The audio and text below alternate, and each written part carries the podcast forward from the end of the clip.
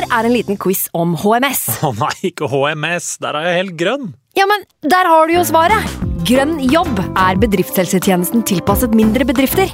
Våre HMS-eksperter hjelper mer enn 8000 bedrifter over hele Norge med alt fra lovpålagte HMS-krav til pålegg fra Arbeidstilsynet.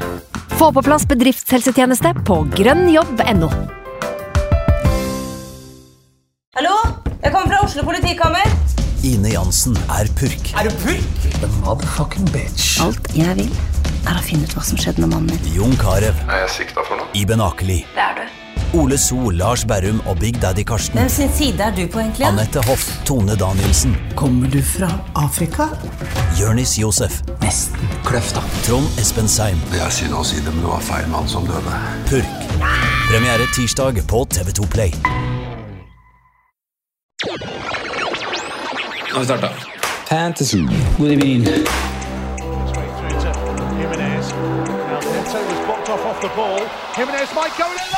God evening.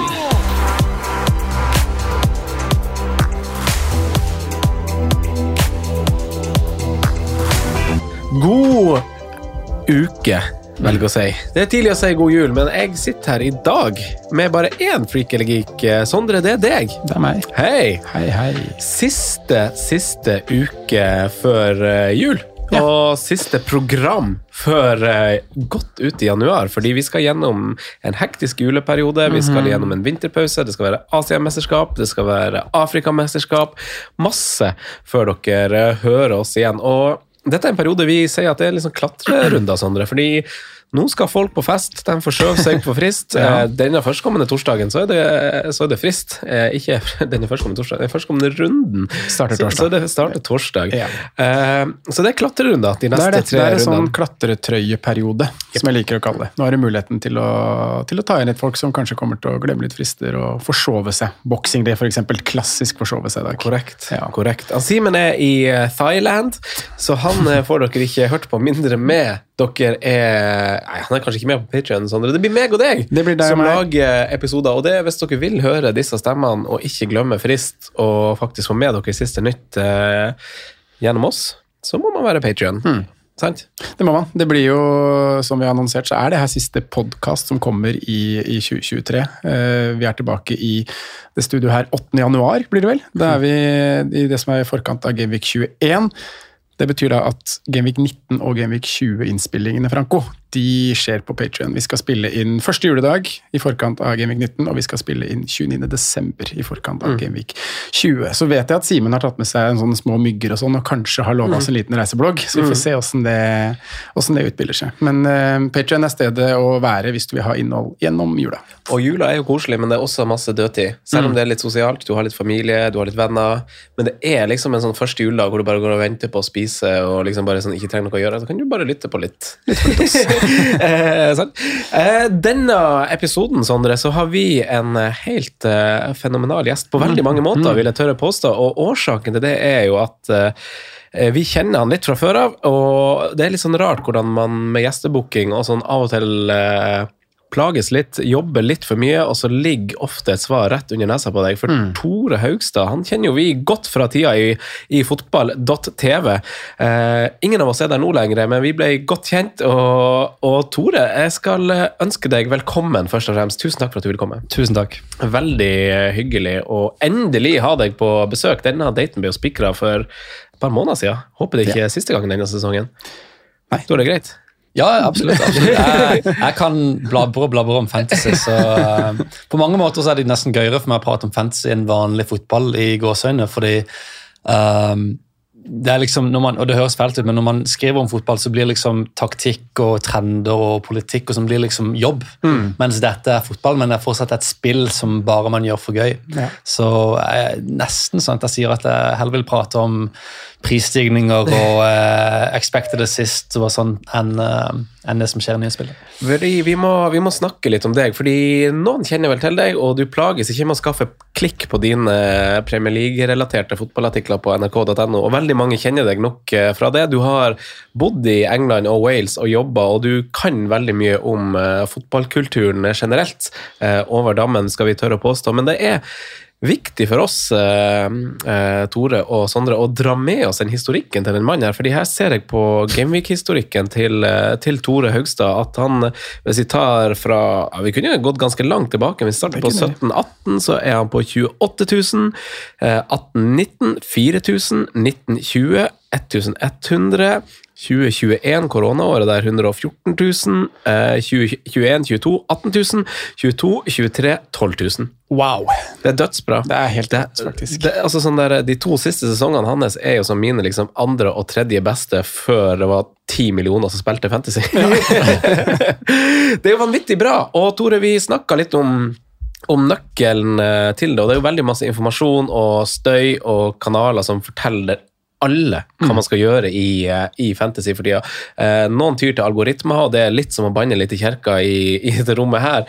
Eh, men eh, du har jo ei eia oppskrift for uh, Har du ikke det? Jo, jo, jo. Få høre. Så uh, det, er jo, altså, det er jo ikke bare algoritmer og sånn, da, men Nei, men det her er selvlagd, det er det som er poenget. Fordi, Ja. fordi det finnes jo algoritmer hvor folk betaler, bare taster inn ID-en sin og får svaret på det de skal gjøre, Ja. sant? uten å gjøre grovjobben. Og så diskuterer man i prater sånn som om fantasy er veldig stort, og så vet de allerede hva de skal gjøre, fordi nå, en datamaskin har fortalt det til dem. Så det er liksom bortkasta. Du spiller ikke fantasy. Det er liksom som, det er liksom som å bruke det blåskallet i, uh, i Mario Kart. Det, det, det, Dødskjedelig.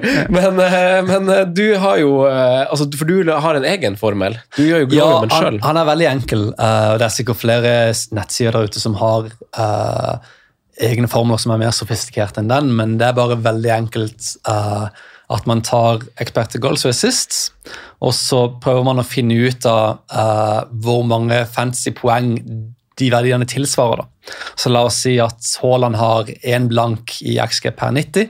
Så sier han ok, la oss si at han spiller 38 kamper. Det blir så og så mange mål. Uh, det, det, det begynner med fire poeng for eksempel, per mål. Hvor mange poeng i praksis får han da, med, altså med bonuspoeng og spilte minutter i tillegg til det. Og Da fant jeg ut at for uh, spisser så får de cirka, med bonus da, ca. fem poeng per mål. Midtbanespillere får seks poeng, forsvarsspillere får syv poeng. Så er det egentlig bare å ta ok, eh, XG1 pluss assist, så la oss si 1,30 på Haaland. Uh, der får du da uh, 1,3 i, i expected goal involvements per 90, og så ganger du det med fem. Uh, og så antar du at han spiller hver kamp, og så finner du ut av eh, hvor mange fancy-poeng han får per runde. Og per, altså hele sesongen. da. Eh, og Hvis du finner, har en spiller som ligger på over 200 poeng i antatte poeng per sesong, så er det jo en, en veldig godt kjøp. Og så kan du dele på pris og finne value og sånn. Så det er egentlig veldig enkelt. Ja, Eh, veldig men enkelt for noen, men det er jo litt komplekst for dem som på en måte det, det er en Excel-side. Ja. Eh, men og alt, man, alt man trenger å egentlig gjøre, er å oppdatere Og så har jeg skudd og, og eh, key passes per 90 også. Så alt jeg gjør, er egentlig å bruke 10-15 minutter for å oppdatere den hver uke. Og det er egentlig alt. Og resten er liksom følge med på skader og, og sånn. Um, og så har jeg også en sånn side hvor jeg skriver ned eh, det høres kanskje rart ut, men sånne prinsipper da, eller regler. Ja, det må man ha. For, liksom, for man, glemmer, man glemmer fort liksom hva, hva man gjør når man gjør det riktig. Eh, man blir ofte i tvil hva skal jeg gjøre her, og det er liksom greit å gå tilbake til det og bare se. Ikke, gjør det, ikke gjør det. Når, når den hva er noen eksempel på det du ikke gjør, og det du gjør? Så Um, alltid, jeg, jeg kjøper alltid spillere som er helt uvurderlige for sine lag. Ok. For jeg vil, ikke, jeg vil null risk på, på rotasjon og hviling og, og alt mulig sånn. Ok, Så du Eh, lar deg ikke lure ut på noe doku? Nei, sånn og... Darwin og, Darwin og Foden og sånn holder, holder meg langt unna. Og du gjør det, ja. Ja. Selv, selv om de ville slått veldig høyt ut på Eller hvor liksom går den grensa der, da, når de kommer høyt ut på dine Ja, for, hjemmesnekra for, tabeller? for de gjør jo det. Ja, sant? ja, sant? Fordi- Darwin må jo gjøre det. Ja, for det er Panitti, og han har, Darwin har vært eksplodert helt siden han kom til Liverpool. Men eh, nå, det, liksom, det at de ikke spiller, du har ikke kontroll over hvor ofte de hviles og roteres ut. Mm. Bare spillere som byttes ut ofte også. Uh, mm. Du går glipp av masse masse minutter. Og spesielt i slutten av kampene, hvor det åpner seg opp og Mm, ja. poengene faktisk skåres. Så jeg er veldig på det at det skal være spillere som er helt klink. Uh, veldig god skadehistorikk, så ikke noe Reece James eller noe sånt. Um, for, fordi du har mange, mange færre bytter enn du tror. sant? Så drømmen er liksom å ha spillere som bare, som Sala, eksempel. Du bare har han der, trenger ikke bry deg om han. Um, det er som en aksje. Sant? Du bare investerer, og så rører du ikke. Og så bare går det i løpet av sesongen. Men det her er jo en utfordring, kanskje for meg og deg, i større grad for deg eh, enn i større grad for deg, Tore. For du går litt stille i gangene, og du klarer åpenbart å stenge litt informasjon ute og forplikte deg til, til dette løp. Men der, Sondre, får vi Vi har eh, Twitter, vi har Messenger-chat, vi har podkastforberedelser, vi har folk som spør oss hit og stadig, og så får vi hver uke må vi ta stilling til Foden. For eksempel, altså, de, altså, altså de type spillerne som plutselig bare sånn leverer, og så er det sånn City har et fint program, vi må snakke om han. Og så sitter, sitter Tori i sitt stille sinn og styrer unna, og da Hva skjer med oss? Nei, vi, vi klarer jo da liksom å snakke oss og øh, dra oss selv inn i de her boblene her som er øh, minuttrisikoer. da. Eh, Så det er jo et kjempeproblem. Det, og det, det, det har man jo sett at det kanskje har bare blitt mer og mer voksne de siste åra, hvor det har blitt mer og mer kanaler som leverer den type info. Eh, Men det er jo liksom et prinsipp som man også selv har skrevet eh, med to streker under svaret i, i blokka si, at man liksom hvert år Jeg skal ikke begi meg ut på den her. Jeg skal ikke røre noe fra City. Jeg skal ikke spille men, Det er sånn det. Er sånn, det, går aldri å, å klare å holde seg unna. Så mm, men det handler også litt om å ha kontroll på følelsene sine. da. For jeg blir jo veldig revet med når jeg ser en mulighet som typ Foden. Når man vet, Nå er han og han og han ute. Nå må vel Foden spille de fire neste. Men så dukker det alltid opp noe som, som gjør at han ikke gjør det. Eh, så, så der må jo du være veldig sterk, da, egentlig, Tore, som klarer å ha kontroll og, og holde deg selv igjen når man ser de mulighetene, som Foden, Doku, Darwin f.eks. er. Jeg tror ja, Du har helt rett når, dere, når du sier at dere utsettes mye mer for dette enn det jeg gjør. Eh, så jeg har jo en liste på Twitter med kanskje 20-25 uh, fantasy-folk, dere to inkludert selvfølgelig, og, og rådet. Uh, men jeg får ikke så veldig mye sånn input på hva andre gjør. Jeg, jeg, jeg følger grovt sett med, selvfølgelig. Jeg, vet, jeg følger med på live, live FPL, jeg vet hva som er templates og ikke. Men jeg, jeg hadde også blitt veldig fort liksom snakka inn i avgjørelser som jeg ellers ikke hadde tatt, tror jeg, hvis jeg hadde vært i deres posisjon og, og jobber mye med, med FPL. og Du får høre mange forskjellige uh, perspektiver, og du ser mange ulike lag som ser bra ut. Eh, ganske nylig så hadde jeg eh, skulle erstatte en Baumo som ble skada. Liksom, Gordon har jeg liksom hatt på lista mi lenge. jeg skal ha inn Gordon. Jeg har sånn her, eh, På Excel-arket så har jeg liksom sånn spillere jeg vil ha inn. da. Det er veldig få av de, sånn tre-fire på en gang, kanskje. Og så plutselig er det noen sånne her, det er en venn av meg som jeg har lunsj med, og så bare jeg, jeg skal ha inn den der Wang Hichan. Den skal jeg ha inn. Og så begynner liksom hodet mitt å gå. Bare, shit, Han er billigere enn Gordon. Jeg sjekker tallene. Han har omtrent like tall. Um, selv om jeg nesten ikke har sett så mye Jeg har ikke sett så mye av Wolves heller. Jeg vet ikke sånn 100 hvor han beveger seg på banen. og sånn. Eh, og så klarer jeg liksom å, å snakke meg sjøl inn uh, snakke meg selv frem til å ta inn Hichan. da. Eh, og siden det så har han jo blanka to ganger. Og eh, jeg hadde jo helt glemt at han skal til Asiamesterskapet i Ja. uke 21. Mens Gordon da har fått en assist, tratt tverra mot eh, Fulham, virker veldig bra. Så nå føler jeg, det kan være jeg tar feil, men det det- jeg føler som jeg tok en gal avgjørelse. Mm. Og han som anbefalte meg Hichan, han tok en Gordon. Så det, det dere, sånn- dere er konkurrenter i, i ja, internligaen? ja, vi, ja, eller? ja, vi har sånn sånn, taperen spanderer middag på vinneren. Ja. og sånn? Så, eh, så det var et sånn klassisk eksempel på en, situasjon hvor hvis jeg liksom bare hadde sittet alene hjemme, så hadde jeg tatt inn gården. Ja. Så, Det handler om å isolere seg mest mulig. ja, så det er veldig rart hvordan hodet fungerer. sånn sett. Ja. Det er det der jeg eh, også prøver å gjøre, og jeg satte det som et sånn veldig sånn høyt mål i sommer, at jeg skal spille det på min måte, og gjerne gjøre det som deg i aller eh, høyeste grad. liksom bare f- Se på den statistikken jeg liker, se på kampene, velge ut ifra den måten som jeg eh, Nå har jo fancy forandra seg siden da, så jeg er jo sikkert ikke like god som det jeg var da, men sånn få de der, den oppskrifta som jeg brukte da, i hvert fall, som jeg hadde det veldig sånn gøy med. For nå er det, nå er det masse støy som jeg sånn, uten at jeg vet det sjøl, tar litt sånn overhånd i valgfasen. Uh, uten at jeg vet det sjøl, så blir jeg peila i retning, liksom. Uten at det er sånn Kan jeg ha sett for meg noe helt annet? Og så er det Kanskje han Sondre sa denne runden at Son er dødsviktig å få på, sant? Jeg satte han på, men jeg vet ikke om det var av at han sa det. sant? Så jeg tok et minus, minus fire og satte han på. Jeg kunne sittet med fem poeng mer fordi Martinelli fikk det samme. Ja. Så det er liksom bare sånn Hvorfor Ja, men det er jo klassiske fomoen, da. Men det er jo det, er det det handler om. Ja, og så vet jeg ikke hvor masse det handler om deg, så det er ikke meninga å kaste skylda, men det er sånn vi, bare et eksempel. vi, vi, vi har mange sånne sånne du og jeg, Franco, hvor vi har dratt hverandre inn i både fiaskoer og oppturer. Og så er det viktig, Ja. synes jeg også, med å ha en eh, partner som man snakker med. og eh, Jeg og du har jo egentlig hatt det siden før eh, Fantasyrådet en gang starta, egentlig. Og så snakker vi litt i fellesgruppa med Simen òg, så det er masse input, eh, Ja. rett og slett. Men se på laget ditt, Tore. For du, du, det er jo jevnt over spillere som eh, spiller 90 her, da. Så er det én mann som er eh, litt sånn rotasjonsutsatt. Så bare liksom, Grunnen til at du gikk for Tsimikas da, i det øyeblikket du gjorde det, handla det om da er, det, da er vi på verdien i forhold til pris og de tingene der. Ja, øh, jeg trodde jo han skulle spille det aller, aller meste. Øh, han er jo førstevalget. Det er mer sånn kanskje av fitnessårsaker at han hviles mot Sheffield United og sånn. Ja. Så, men jeg er sånn litt på grensa, men selvfølgelig noen regler kan brytes. Jeg har tatt det minus fire også, og jeg, det er liksom, en av reglene er at jeg skal aldri ta minuspoeng. Ja, det, Hvor mange minuspoeng tar du i løpet av en sesong? Og det er jeg å. Nei, jeg har Altså, sånn, jeg sånn, har, du, har, har du det i, i liksom, Nei, nei, nei. evalueringsnotatet? ditt? Har du noe jeg, jeg, jeg prøver, altså, I jeg år har du én minus fire, ser jeg. Det er inn i Gameweek 10. Ja, jeg husker ikke helt hva det var for noe, men uh, jeg, jeg angrer nesten alltid på no- Etter at jeg tar minus, så angrer jeg nesten alltid. Uh, Mm, ja. Og jeg, jeg, jeg vil si at minus fire er en symptom Med mindre det er et ekstremt tilfelle, så er det symptom på dårlig planlegging. egentlig. Ja.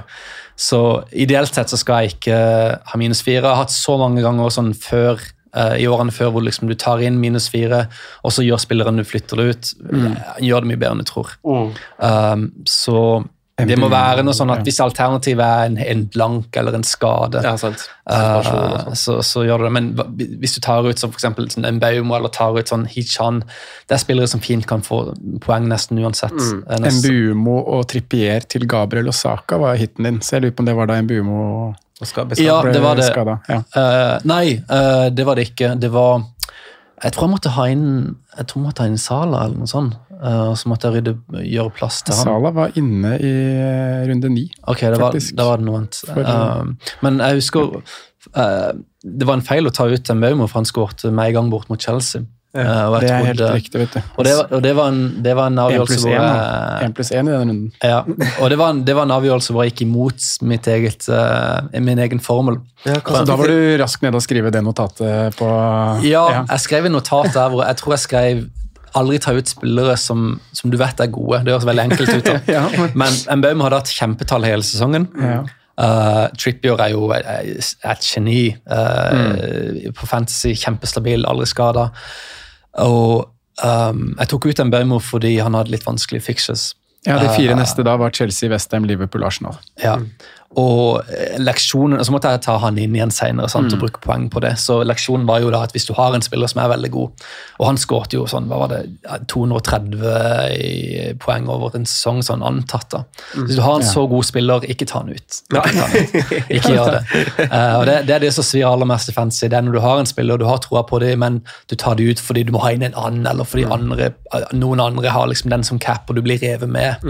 Og så skårer liksom den spilleren som du visste kommer til å gjøre det bra. Det, det er det aller, aller verste. Nå, nå føler jeg at jeg angrer. Jeg har skrevet, jeg har skrevet i manus, for jeg glemte det forrige uka, Sandra, at jeg skulle um, gjøre sånn jule, julesalg av boka mi, som jeg også er veldig fornøyd med, fantasyvettreglene, som du kan kjøpe på Nordli, eller hos meg på Instagram, hvis du vil ha. Kan jeg følge deg òg på Instagram, Tore? Du la jo ut uh, pastaen din i går. Så god, så god ut. Ja, jeg legger ut kanskje eh, to bilder i året. Det er ikke, det er, det er ikke så mye å følge der. altså. Nei, men uansett, på, på Instagram, hvis man vil ha en bok, kan følge, kan følge oss alle hvis man vil. Men, eh, men eh, jeg glemte å plugge det forrige gang, for jeg har noen sånn med god julehilsen. Så hvis folk vil ha det, så har jeg sånn syv igjen, kanskje. Og det sendes med helt hjem, så det får man før julaften. Eller med ref det man sa i stad, hvis man har litt sånn dødtid i romjula og bare vil eh, slenge seg på sofaen med mamma sine kaker og bli litt sånn oppvarta, og istedenfor å spille FM, lese litt bok, så har man den muligheten. Så jeg blir jeg superfornøyd. Jeg er fornøyd med resultatet og syns, eh, syns eh, boka er god, Sondre. Denne runden må vi snakke litt om, fordi vi hadde et mål. Eh, hashtagga det til og med liksom her og der. De hashtagene her er- Eh, Seks, det vil ikke gjelde deg, Tore, fordi du er bedre enn oss. Men, femsifra før jul, ja, ja. Sekssifra før jul. eh, per nå så er vi det begge to. Det er Eh, faktisk Til det. tross for å ha tatt minuspoeng inn i runden her, så, så har vi gode grønne piler. Vil du eh, 955 000 overall. 770 000, to millioner for noen, noen uker siden. Så her går det veien, Sondre. Det gjør det. Det er har du, har du oppretta, har du notat og, og Excel, du òg? Er, suks- hva er suksessoppskrifta di? Har du det er vel kanskje det som mangler, da. For jeg har ikke, ikke Excel-ark i år, og ikke noe notat. Eh, Så det er kanskje det som må til nå i innspurten. Jeg føler at uh, erfaringsbasen uh, Jeg har tatt Excel-ark tidligere, det har jeg hatt. Ja. Og jeg har skissert bytter og sånne ting, så det må jeg kanskje litt tilbake til. og og prøve å se om kan hjelpe meg på veien. Men uh, runden som gikk nå, jeg fikk 61 poeng, jeg. Minus 4. Kasta jo uh, Inge Berge. Kasta jo Inge Berge, det er fint. Kasta Martinelli og fikk på Son, og kasta Erling Haaland og fikk på Ollie Watkins. Så to bytter jeg jo var veldig fornøyd med. Watkins skulle egentlig vente til, til neste runde, men med Haaland ute i to kamper, da, som det ble, så var det fint å bare få gjort med, med en eneste gang. Så en ganske bra runde. Dubravka gir meg en sjupoenger. Gabriel gir meg endelig en clean sheet. Palmer er god. Gordon eh, fikk seks, kunne fått mer, som Tore var innpå. Eh, så er det jo Watkins da, med scoring. Det var deilig å få med seg den. Jeg har sittet lenge uten Watkins og bare sett på at de poengene har, har flyttet forbi, så det var veldig godt å endelig komme seg på 90-minuttersmannen Watkins, Tore. Han er jo en som er veldig stødig på minutter. Ja, han er typisk type som er min favoritt. Ja. Ja. Så han er jo nå øh, Vi har vel fått litt kapteinsspørsmål, så han er min øh, buss-captain inn i Gameweek 18 med Sheffield United hjemme. Dette skal vi åpenbart eh, snakke mer om. Eh, min runde også, 65 poeng. Eh, jeg får vel kanskje mer når jeg får inn eh, Turner fra benken, så 67. eh, minus fire, jeg også. Eh, fikk jo på Son for Martinelli, og det var litt fordi at jeg frykter, og jeg hadde sikkert sagt det samme nå hvis jeg fortsatt hadde eid Martinelli, at jeg frykter benken eh, snart. Mm. så på en måte, ut ifra responsen på, på sosiale medier til denne episoden, så er jo folk litt frustrert, og jeg ville kanskje vært i samme båt hvis, eh, hvis jeg fortsatt hadde hatt han. Så jeg har Son nå, og jeg er jo komfortabel med det inn i runden, for vi har fått nye flagg i, her og der. Jeg satt på Solanke for Ja. Eh, så per nå så vet jo ikke vi eh, hva som skjer med den kampen jo, som ble, eh, som ble stansa. Og, Ja, det hadde vi også fått spørsmål om, så jeg, Ja. det var noe nytt, der. Men så øh, runden er ikke lukka er her ikke per, eh, per mandag, fordi det betyr at de ikke har bestemt seg for hvordan det løses, og en ny kamp eventuelt, eller hvordan det løses, er ikke satt. Eh, så jeg, vi må snakke om mine problemer etterpå også. Eh, jeg har jo Palmer får poeng, Bowen får poeng. Eh, Watkins får poeng, Tsimikas får bonus, Saliba får bonus, Udoji får gult kort. ja, det var surt. Ja, det var annoying. Så han er jo suspendert, så det blir jo et problem. Eh, kanskje kanskje eh, svaret ligger i samme klubb, vi får se. Eh, Sanchez står fortsatt ikke i mål for eh, Chelsea. Eh, men vi er fornøyd. Tore, hvordan gikk din runde? Ganske bra. Opp fra 180 000 til 112, som det står seg nå. Fem Eh, sekser. 66 poeng. Um, Leno fikk tre poeng, forventer ikke så mye mer. Jeg har også hatt Gabriel en stund. Endelig clean sheet her. Eh, jeg, jeg kjøpte Porro og Solanke. Porro har jeg hatt lyst på veldig lenge. Uh, kjempekjøp som må være der, syns jeg. Eh, og han kunne fint skåret også, han kjempesjanser. Ja. Uh, Simikas, eh, Palmer, Saka, Salason Hichan, Watkins og så tok jeg også inn da, ja, Solanke. Og så har jeg Udogi på benken, så hvis Solanke blanker, eller blir kansellert, så går det greit at han kommer inn også.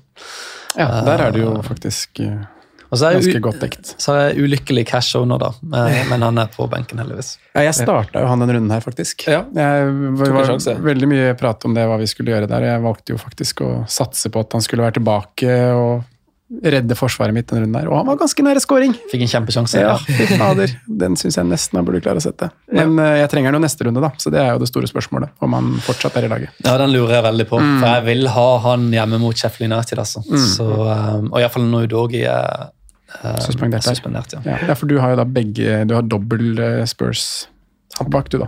Ja, jeg hadde egentlig hatt lyst til å ha ut Udogi for Porro lenge, ja. men eh, det har aldri, aldri hatt muligheten til å gjøre det. Jeg har hatt så mye annet å gjøre. Så, Og så skåret Udogi i forrige runde, så det gikk ikke greit. Ja. Mm. og, og nå, nå Udogi jeg vet ikke, spør seg litt tilbake nå, de har fått tilbake Romero. Uh, ser litt mer solid ut. Han er faktisk vel, fortsatt i veldig gode posisjoner, så Ja, han jeg tror jeg skal beholde han. altså. Skåring forrige runde, var det ikke det? Jo, mot Ja. Newcastle. Ja. Jeg liker han. Det, her må, det må vi snakke om, og vi skal også snakke om Vi har en liten synsundersøkelse. Vi skal først ta en uh, liten pause. Vi har selvfølgelig en sylteagurk, og vi skal snakke litt om jula og de kommende uh, uh, landslagshendelsene, ikke minst, og snakke liksom om alternativer der, og, og noen dilemmaer. Så liten eh, break, og så er vi tilbake. Vi har en oppgave til eh, våre kjære lyttere. Nå inn i jula så ønsker vi at dere går inn på Facebook og finner Fantasyrådet og eh, trykker på delta, først og fremst fordi vi håper dere skal komme på vår neste livesending og quiz på The Wild Rover i Oslo, som er i forkant av eh, en midtukerunde i januar. 30. januar. Veldig masse fotball på TV-en. Det blir quiz, det blir livesending fra oss, og det blir merch og premier og hele forbanna hopprennet. Det blir eh, superbra. Så, så gå inn på Facebook, eh, finn Fancyrådet, og, og si at du kommer på eventet. Eh, eller hvis du ikke kan, hvis du bor eh, i Kirkenes eller eller i Eikrem, så kan du eh, bare trykke at du er interessert. Så, så, så, så, får folk det i feeden sin. Vi er jo supertakknemlige. Det ble jo- Det ble jo for fullt forrige gang, Sondre. Så nå skal vi Nå skal vi flytte opp. Nå skal vi flytte opp og få en større scene og enda bedre lyd og kanskje skjermer og sånn. Vi visste ikke at det var så mange som var interessert i å komme og se på oss, men eh, alle var fornøyd uansett. Folk bytta på Hichan Wang. Eh, Han skårte den dagen. Arsenal eh, spilte og skårte i en syvmålskamp eh, mot eh, Luton. Så, så de her kveldene blir alltid bra. Helkvelder. Eh, superbra. Så sylteagurk, da, Tore.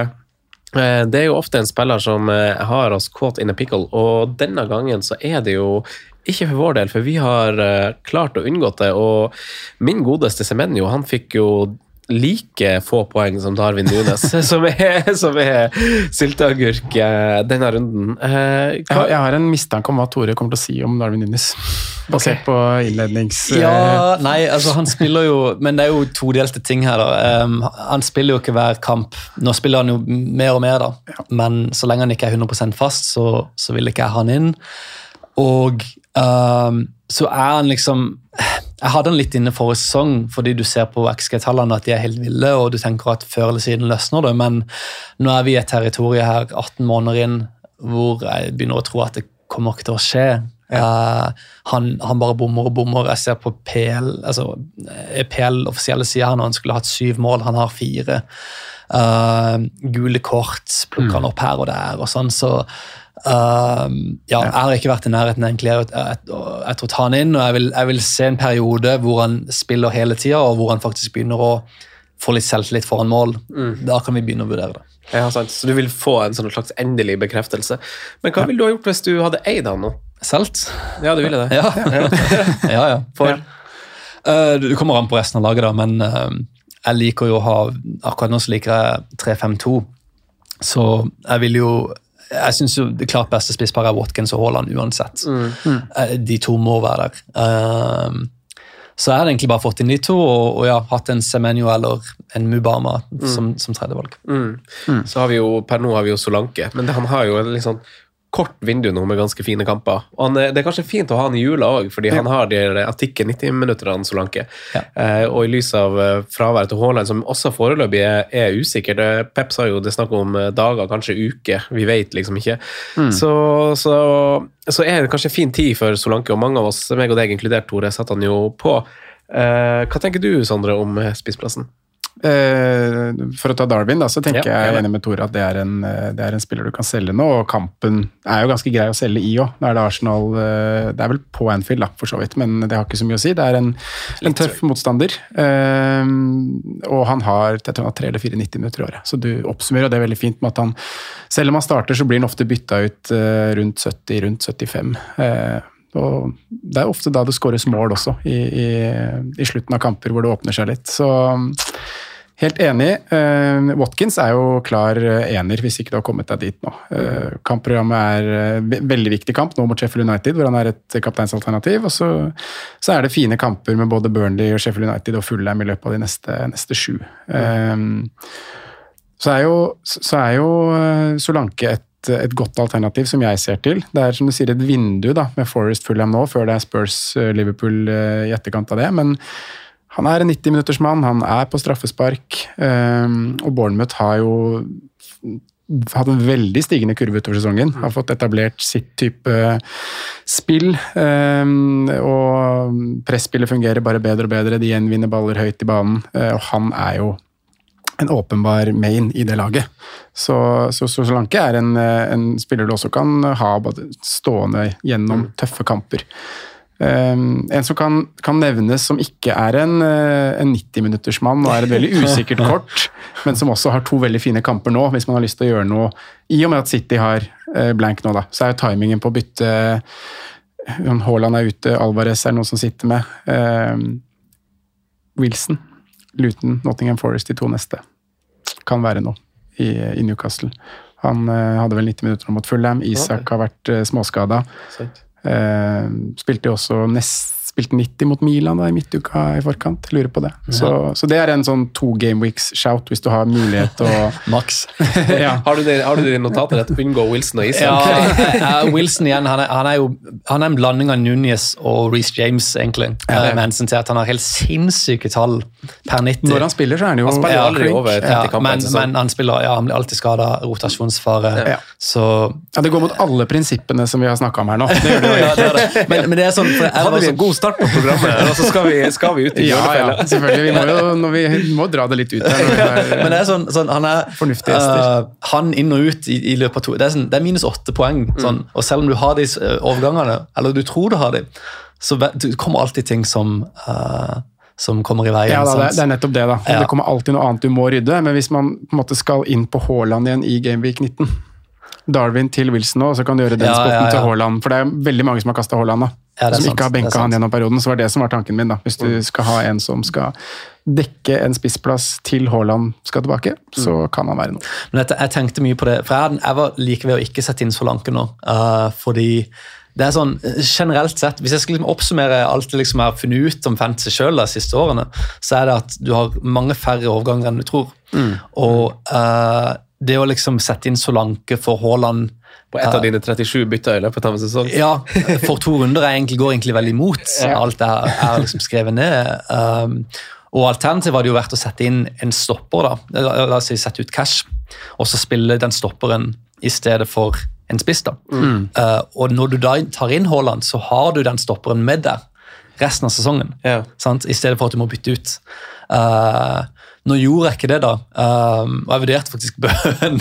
Bøhn hadde vært. Nei, jeg gjorde det ikke fordi jeg, var ikke, jeg, var ikke, jeg visste ikke om han skulle spille eller ikke. Uh, men Nei, det er sånn... men han var tilbake, han nå? Ja. Var det ikke det? Jo, starta. Ja, han, han, han, han skårte jo. Ja, ja, Fikk fader, det gjorde 14 poeng, så det hadde jo vært kjempeflaks. Men han var tvilsom, da. Så. Men, jeg, Tenk om du hadde gjort. men jeg prøver å tenke sånn hele tida, da, at få inn spillere som i teorien skal være der hele sesongen, helst. Men så vet du jo taket til altså for, for I praksis av en sånn situasjon så ser du for deg at du bruker to bytter på en skadesituasjon, for du skal Ja. ha han inn igjen, ikke sant? så du Ja. låser et fremtidig bytte.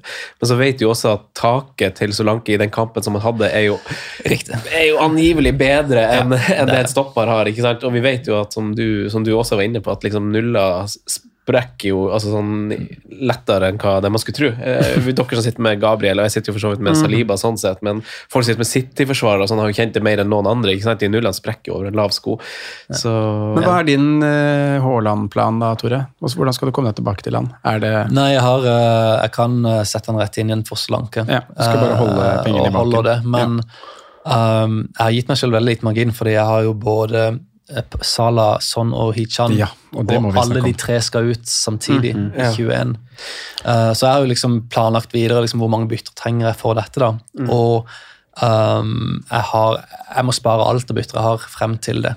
For, for å få det ut med en gang. Det her må vi eh, snakke om. Det, kan vi, det er en fin overgang, egentlig. Mm. Fordi uh, jeg og du, Sondre, har sittet og planlagt hver vår ting i, i, på, på morgenkvisten her før eh, vi møtte deg, Tore. Så det er jo to litt sånn store perioder å ta hensyn til nå. Det mest nærliggende er jo jula, eh, som jo er de neste tre rundene som er i forkant av de her mesterskapene. Altså runde 18, 19 og 20 blir jo juleprogrammet. Så vi mister på en måte én runde, egentlig. I fjor Mm. ja, var Vi det snakka litt om det forrige uke, at den jula er litt kort i år. Ja. Den- men samtidig så er det litt intenst eh, for noen. Så jeg tenker at eh, Tore han eh, dypper jo tåa i det her, men Mm. jeg tenker du kan jo på en måte hoppe i hele driten og, driten. og, og dra oss litt gjennom det. Så kan vi supplere litt fra din høyre og venstre. Ja, eh, tenkte å dra med juleprogrammet nå, da. Nei, men- nei, ja, ja, nei, jeg kan ta jula. Du, bare fortell oss om det som skjer i januar, og som Ja, Tor refererer til, eh, runde 21. Afrika-Asia-mesterskapsukene. Og det er, ikke noe, det er ikke noe overraskelse for folk, eh, håper jeg. da. Jeg håper folk har fått det med seg at det er, eh, at det er mesterskap i, i januar og potensielt da litt inn i februar for, for enkelte spillere. Um, Afrika og Asia, det, det er jo to ulike mesterskap, men de starter da henholdsvis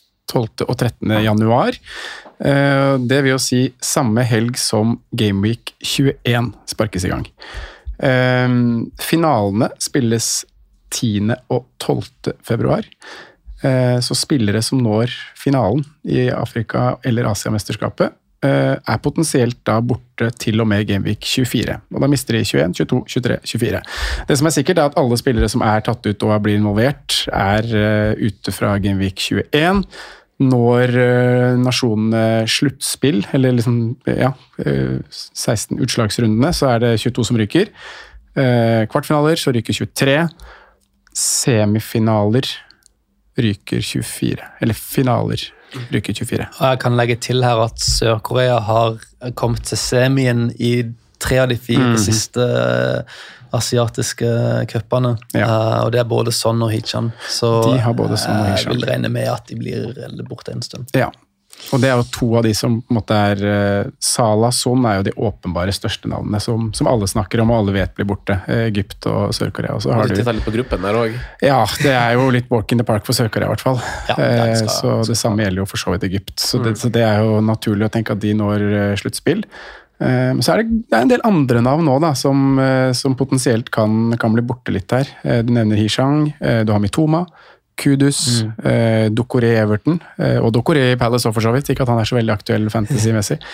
Eh, Vissa kan ryke. eh, Jackson. eh, Min eh, forsvarer Caboret kan gå. eh, Og så har du Onana og Adingra. Det er noen navn da som er ganske populære og godt valgt rundt om, som potensielt da kan miste én, to, tre og kanskje fire gameweeks, avhengig av hvor langt de kommer. Sve- Svekker f.eks. et lag som Brighton betraktelig, det der. Ja, det gjør det. både Digra og Mitoma ryker. Ja, ja. Og det er sikkert flere her som jeg ikke har tatt med, altså, men det var liksom de mest populære som jeg, som jeg kom over. Jeg har jo, altså når, når du sier de navnene høyt, så har jo jeg ganske mange spillere som er altså, Kanskje gode planleggere. Du har sikkert ikke Caboret, f.eks., Tore. Sant? Så sitter der og rister på hodet. Men- Han men- tenkte men på vi har- Afrikamesterskapet på wildcard i runde fire. Men vi har tre av fem på midten reiser. Ja, Både for eh, oss, på ja. begge, oss begge. Jeg, jeg kommer ikke på det Samme her. Sala, Dingra og sånn. Har du Dingra fortsatt? Ja. Ja. Satt på benken bare nå. Ja, okay. Men ja, det, det, det jeg, tenkte, jeg visste om det, men jeg tenkte ikke på det når jeg satte inn Hichan. og Jeg hadde jo aldri satt han inn hvis altså, Sånn og Sala er greit, fordi de er så gode at du må ha de hver runde. Mm. Og den dagen de kommer tilbake, så skal de rett inn. Ja, og det, for det noterte jeg også i margen her, at uh, si Egypt når finalen, da, og Salah mister Fire runder. fire runder. Da er han tilbake i Gameweek 25. Blir det det? Ja, det blir jo det. Ja. Det var 21, 21 til 24, ja. ja. Hvis han er tilbake til 24, var det jeg noterte. Da må han tilbake. Hvis de, da må han rett inn, for da er det Liverpool hjemme mot Burnley. Ja, sant. ja, ja. Men det må Altså, man jo bare ta litt week Men det by week. er, altså Vi går inn i runde 18 nå. Mm. Jeg har eh, Da har jeg ett bytte i runde 18, to 19, 3 20, 4 21. Pluss hits. Jeg- Hæ? Pluss hits. Pluss hits. Ja. Så jeg har fire gratisbytter, og jeg har fem spillere som skal bort. Hvis du inkluderer Semenyo og Caboret. uh, så det er Ja, du har Semenyo òg, du. Semenyo òg, bro. Ai, ai, ai. Uh, så ja, så, så Han er jo ikke tiltenkt å spille sånn generelt, men ikke sant, du kunne kanskje ha sett for, for seg at liksom, du trenger den troppen du har bruk for når så mange skal bort, men uh, Kjedelig at han ryker når Bournemouth får double gameweek der. Ja, ikke sant. Så, så vi, får, eh, vi får se på det her, altså. Det blir, eh, men som Tore eh, sa egentlig innledningsvis her, så er kanskje nøkkelen å på en måte spare de byttene og ha det her i bakhodet på enhver ting som du, som du foretar deg. For du finner jo spillere som som tikker de boksene med fine kampprogram, eh, og som spiller 90 minutter, og som ikke skal bort. Eh, jeg kan ta, dra dere litt gjennom jula litt kjapt. Det er 18, 19 og 20. Gameweek 18 eh, avsluttes jo på julaften på søndag, altså førstkommende, og starter jo på torsdag, så, så noter ned det. Eh, to dager etter runden avsluttes, altså på julaften, så er det jo Boxing Day. Det er jo spredt over tre dager denne gangen, hvis dere ikke har fått med dere. Jeg vet ikke om dere syns det er snork, eller om det er greit. Det er jo liksom mer fotball til folket, men Ja, det er mindre det. intens Boxing Day. Ja. Men jeg har tatt med et eksempel her. Eh, kommende runde så spiller jo Chelsea sist i runden. De spiller på julaften borte mot Wolverhampton. Mhm. Tredje juledag så har de eh, seinkamp hjemme mot Pelles. Eh, og Pelles for øvrig spilte i, i London eh, tre dager etter Chelsea eh, denne runden. Altså, så de spiller liksom eh, Ja, Palace starter. Palace starter, ja, Ja. unnskyld, ikke sant, de spiller på torsdag, Chelsea spiller på søndag, og så har Chelsea tre kamper til eh, Palace, tre- tre Palace får seks dager hvile. Ja, de får ei uke, mens Chelsea får eh, tre dager. Mm. Eh, så det er jo, er jo litt sånn et eksempel på hvordan det kan være. være. Chelsea sin tredje julekamp er igjen en tidligkamp borte mot Luton. Så, så det er liksom mange fine kamper på papir, men liksom ugunstig reise og restitusjon for noen. Så kanskje derfor de f.eks. hvilte Enzo Fernandes denne runden. Og i motsetning til Chelsea, eksempel, så spiller jo Brighton først denne runden og sist neste runde. Så det er jo tre VS syv eh, hviledager. Det er jævlig stor forskjell i en sånn Mm. periode som det her. Eh, Brighton spiller jo også sist i den tredje og siste runden, som er runde 20, så de har jo veldig veldig masse hvile, men igjen litt ugunstige kamper. Eh, Så Gameweek 18, er sånn, 18 og 19 er sånn, og så har du Gameweek 20, som jo er en firedagersperiode, og, og nyttårsperioden, som, eller nyttåret blir midt i der. Og Du kan jo se sånn på tide og tenke litt restitusjon og sånn sjøl, tenker jeg, men jeg har notert meg ned noen lag som jeg syns er fine på papir, og så får dere gjerne supplere, Tore og Sondre. Villa har jo hjemmekamper mot eh, eh, Sheffield United og Burnley, og så har de Manchester United imellom der på bortebane. Uh, Palace de er i London hele oppholdet, eh, faktisk, fordi de spiller hjemme mot eh, Brighton og Brentford, og så har de Chelsea som bortekamp imellom, som jo ikke er fryktelig langt når du er i London, selv om London er stort og sånn. Tottenham syns jeg har to veldig fine hjemmekamper, selv om Everton er i veldig god form. Eh, de har Everton hjemme, de har Brighton borte, de har eh, Bournemouth hjemme. Og så har jeg notert Westham, fordi de kun er i London, også dem. De har United hjemme, som jo ikke er i fryktelig god form, på tross av et godt resultat på Anfield Road. De har Arsenal borte, de har Brighton hjemme. Det som er litt artig artig med, med Brighton, er at de går liksom litt igjen her, for de har egentlig litt fine kamper på papir, men møter lag som har ganske sånn gunstige reiseveier, sånn som bare koser seg litt Ja. hjemme. Så hva, hva, hva, hvordan angriper du, Tore, jula? Hva, er dine tanker med bytta nå, spesielt når vi har eh, to mesterskap i, i bakhodet å ta hensyn til? Ja, nei, eh, jeg, jeg, jeg tenker ikke så mye på akkurat disse avstandene og, og, ehm, og, og fikses og sånn. Altså det, det, det hadde gitt mening hvis man liksom hadde Som kaptein og sånn, så gir det mening, for det liksom, dette gjelder denne uka. Mm. Men ehm, jeg prøver å se så langt inn i tid som mulig, og uh, det med Asia- og Afrikamesterskapet det kommer til å bare dominere alt. Eh, bare unngå å få spillere som blanker eller som en ikke kan bruke. Um, så jeg kommer til å være helt besatt av det, og uh, de spillerne her får bare spille uh, gjennom jula. Uh, sånn så det er liksom, Nå brukte jeg to bytter forrige gang, og så jeg, skal jeg ha inn Haaland neste uke igjen. Og så er det da tre bytter på veldig kort tid, så alt må gå til det. da. Eh, så litt kjedelig svar, men, eh, men det blir min jul. Ja, men Kjedelig svar er ofte, ofte er det riktige svaret. For det er litt sånn, det er litt sånn som fantasy ofte er, at det spiller du litt kjedelig og trygt, så, så kommer du ut i motsatt ende ganske bra. Så eh, Sondre, har du gjort deg noen tanker? Vi kan, kan ikke vi snakke litt om eh, for eksempel, Vi har jo flagga spillere nå, med Ja. Udochi, for eksempel, for vår del. Eh, så er svaret så enkelt at vi bare hopper til Pedro Porro? Er det sånn at vi sparer han og eksempel bytter ut Caboret og setter på Porro for å få ta ut en Afrikamesterskapet-spiller? Spille Porro? Hva, hva er dine tanker rundt eh, det? Nei, Jeg har sett på begge de mulighetene der. Eh, Cash har jo vært den jeg på en måte har vært mest usikker Ja, på sånn spilletidsmessig, ja. men han må jeg nesten bare satse på at spiller nå. Jeg jeg kan samme ikke- båt. Ja, jeg kan Ja, hva gjør dere der? Nei, Jeg tror jeg kommer til å satse på at han spiller. Ja. Rett og slett. Eh, Jeg må se, for jeg, akkurat, jeg, jeg har jo Doggy sjøl, og Ja. eh, jeg har har du Gabriel i elver, f.eks.? Ja, så akkurat nå er det satt opp Jeg er satt opp med Porro, Simicas, Gabriel som start, og så Cash på benk, men Gabriel bort mot Liverpool er, det er han slipper inn. Ja, jeg Så- føler ja, det. Jeg, føler, jeg, jeg Saliba, jeg føler jo det Så samme. da gambler jeg heller på at Cash Men så er spørsmålet skal jeg inn en Newcastle-forsvarer i stedet. da Men da, da ligger jeg et bytte bak med en som til å få alle disse spillerne ut. Ja, så da må jeg kanskje ha Hichan på benken selv om han er vekk en gang. Så det, er, det, er litt der jeg ligger, da. Eh, men jeg skal følge veldig nøye med på Villa-lineupen i forkant. Hvis, det, hvis han kan starte der, Og det gir mening at han gjør det hjemme mot Sheffield United. Så- ja, liksom, hvis man ser på kampene han har vært Altså benk, cash. Ja, Ja. han har vært benka i, har vært mot antatt gode lag. Ja. Benka mot Arsenal, benka mot City, er det riktig? Ja, og så var han inne igjen nå mot uh, uh, de? Brentford. Brentford, ja. uh, så hvis man prøver å tolke den ut fra det, så gir det jo mening at han skal starte igjen. Men igjen, da, så er han huka etter 67. ja, men det holder, det. ja da, det, det gjør for så vidt det. Jeg kikka litt på sånn underliggende statistikker, og det er litt artig kampprogrammet akkurat nå. For den kamp, det laget eh, som lag møter nå i runde 18, møter de jo igjen i runde 23. Så for Aston Villa sitt vedkommende så har de, jo, har de jo Sheffield United nå i 18 og 23. Eh, så det er liksom ganske gunstig tidspunkt å sette dem på. Og det som, eh, det som Villa har spilt seg litt opp på, én ting er at de har vunnet 25 kamper, eller hva de har gjort i Premier League i, i 2023, som er jo helt bananas. ja. Men de har spilt seg betraktelig opp på, på underliggende statistikker, og de hadde jo en tendens til å slippe inn mye, og det gjør de for så vidt også, det i hvert fall sånn relativt sett, på, på bortebane. Eh, så har de sluppet inn litt, men underliggende statistikker på, på Aston Villa har, eh, er betraktelig mye bedre. Jeg så på skudd mottatt i boks de siste fire rundene, som toppes av Arsenal og City, som bare har mottatt 19. Liverpool nummer, eh, altså nummer tre eller to, alt ettersom du ser det med 22. Brentford 26, og så har du Villa, som har kommet ganske høyt der igjen, som bare har sluppet til 29 skudd, eh, med Bournemouth rett bak, som jo vi har skrytt litt av. Så, så det er en sånn statistikk som er på bedringen sin del for, eh, for Aston Villa. De har også møtt ganske gode lag.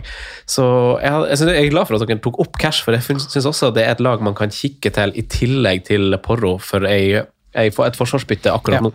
Jeg skulle jo gjerne hatt, Selv om det er et, et kjedelig navn å dra fram, så skulle jeg gjerne hatt Pau Torres. liksom. Nå ble vel han kanskje skada denne runden her. Altså, nå men, var Digne suspendert, og Ja. Mm. skårte Moreno. Eh, Tor, men Torres gikk av med skade, han, så det er jo litt uh, verdt å følge med på. Men uh, det, det, men det styrker jo litt cash-in-sak hvis Konsa bare skyves inn. Nå Ja. var det jo en slags sånn trebacks denne Mhm. runden, da. men uh, Men han har jo vært 90 minutter fra den gangen han starta. på en Ja. måte. Så han, å, å, å komme seg inn på en sånn type spiller i Villa hadde vært safe nå, i den perioden vi skal Ja. inn i. Jeg har sett litt på Emi Martinez her faktisk også. Ja, Eh, ja. Han fikk ni og ti poeng mot Arsenal og City.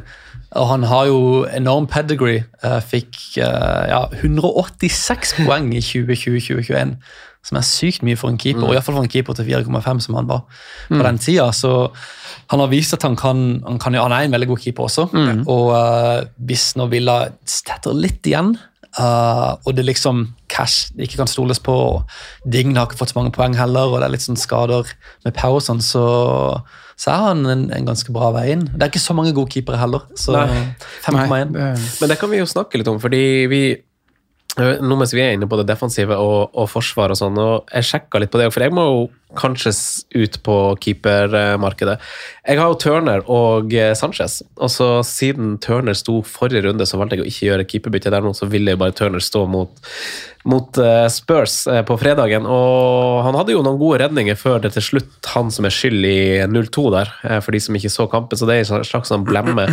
Eh, Så han har noen gode redninger der, og, men folk har, det er jo noen som har to av Sanchez, Turner og Areola. Og Areola var jo kanskje til noensinne sånn litt overraskelse ikke tilbake, selv om han var på benken i Europa, så var han ikke tilbake i mål på, i Premier League. Eh, hva, hva er deres tanker rundt, eh, rundt eh, keepersituasjonen hvis man står med to av Sanchez, Turner og, og Areola? Hvem, du har, du har, du har, Leno, du har rotert kanskje keepere? Ja, jeg har det. Jeg Ja. fant ut at Areola og Leno eh, matcha sånn, Hadde en helt rå rotasjons eh, rotasjons eh, kombo frem til sånn uke 30 eller noe. Mm. Uh, og så har jo Le Areola vært mye verre enn noen skulle tro. Mm. Så nå har jeg egentlig bare gått på Leno hele tida. Uh, nå holdt jo Westham endelig clean sheet, da. Men, men Leno er en veldig god keeper. Alle sånn, hvis du ser på statistikk, og sånn, så var han liksom den beste keeperen sammen med alle sånn forrige sesong, mens han til mål han har redda. da. Mm. Og av og til så har det litt å også si hvor god keeperen er, og ikke bare at de spiller mot lette lag. Så, Nei, absolutt. eh, så jeg har han nå, men Fulheim er også de, de klarer ikke å holde clean sheet mot de beste lagene. De er ikke der. Uh, så hvis jeg hadde hatt et bytte ekstra, så hadde jeg kanskje tatt, tatt inn Martinez. Ja. Eh, men jeg kan ikke se noen mulighet for å gjøre det neste fem ukene uten å ta hit, så jeg blir nok stående med Leno. Men, men hvis du har to av de tre du nevner, så må du jo få inn noen. Det Jeg har, de jo, kanskje, jeg har jo det. Jeg, har jo, jeg, vet ikke, jeg lurer på om jeg satser på om Turner står en runde til nå, i og med at han har en helt sånn grei kamp. Har han ikke det? Det er Bournemouth hjemme, de. Bournemouth hjemme. Eh, så vi, det gjenstår litt å se, men jeg så litt på Jeg nevnte jo de skuddene mottatt i boks i stad, men jeg så også på store sjanser mot, ifølge Oppda, så har jo Bournemouth færrest i Premier League de siste fire rundene med tre. Etterfulgt av Arsenal og Everton, som har fire. Vi snakka litt om Everton, at de har et litt sånn seigt program. Nå holdt de null nå kjempesterkt. Ja, Pickford har jo fra å være liksom en Ja, fra etter og sånn. Ja, og man starta jo det var vel, Ja. Nesten alle starta jo med Pickford. Ja, ja, ja. Og så wildcarda man ut, og så har det vært eh, noen litt sånn overraskende clean sheets her og Mm. der, og så nå har det vært clean sheet i de fire siste, er det ikke det? Jeg tror det var dette mange trodde skulle skje med Everton i starten. Ja, for da var tatt- programmet veldig fint. Så hadde det bare tatt tre-fire måneder før det har skjedd. Ja, det er ganske sprøtt. Det var helt riktig å gå dobbel Everton fra start. Traff på det. og så var det de videre på historie mot Bournemouth, Arsenal og Everton som topper, Ja. etterfulgt av City og Westham, som bare har eh, seks hver de siste fire. Chelsea og Bradford med, med sju. Og så har vi, hvis vi skal ta, inkludere skudd mot i boks som de har mottatt, så er det tre lag som går igjen i, i begge de statistikkene. Det er Arsenal, City og Bournemouth. Eh, og så kan man se på, på keepere som møter svake angrep, og hvem som har prosjektert å få mest eh, poeng de neste fem-seks rundene. Og da jeg gjorde det, så altså De lagene som er ganske dårlige offensivt om dagen, er jo Sheffield United, det er Luton, Palace, Brentford, Manchester United, Nottingham Forest. Det er ganske lavt nede på statistikken. Altså, ikke et veldig gjevt selskap for Manchester United. Eh, men det er keepere som kommer ganske høyt. eh, Høyt opp på statistikkene på prosjekterte poeng er jo Raja, Neto og Martinez. Og så må vi legge inn Dubravka, for han, han har sett du har fått Nei, ikke du! Du har fått Sondre. på Beklager. Så det er jo også Det er jo liksom de fire navnene som, som blir trukket fram, da. Eh, hvem ville du valgt? Det er artig at du nevnte Martinez. Jeg Ja, jeg, jeg visste ikke det, faktisk. Det er veldig Eh, fin shout. Um, nei, Kim Whitley, kanskje han har eh, Jeg vet ikke om han har rukket å bytte han ut? jeg tror han har rukket å bytte han ut, skjønner du. Men det var en frustrerende ferie. ja. Eh, nei, hvem jeg ville bytta på? Jeg syns jo Tore nevner Leno fint her, da. Og, og som han sier, han er en god keeper, han er en redningskeeper, så du kan på en måte, selv om, selv om eh, Fulham ikke slipper, eller holder nullen mot de gode laga, så er det sånn som Leno i runde fem, da. uh, spiller 2-2 bort mot Arsenal. Han får fem poeng, fordi han har mange redninger. Så, så det kan du få med Leno, selv om det ikke holder nullen. Se, han er nok et sånt veldig stødig og godt valg du bare kan ha med deg nesten fram til neste wildcard. da. Eh, også et fint program nå i, i 18 og 19 med, med Burnley Bournemouth på kort sikt. Og så blir det noen redningspoeng da, forhåpentligvis i, i 2021, og så kan du stå fint med han.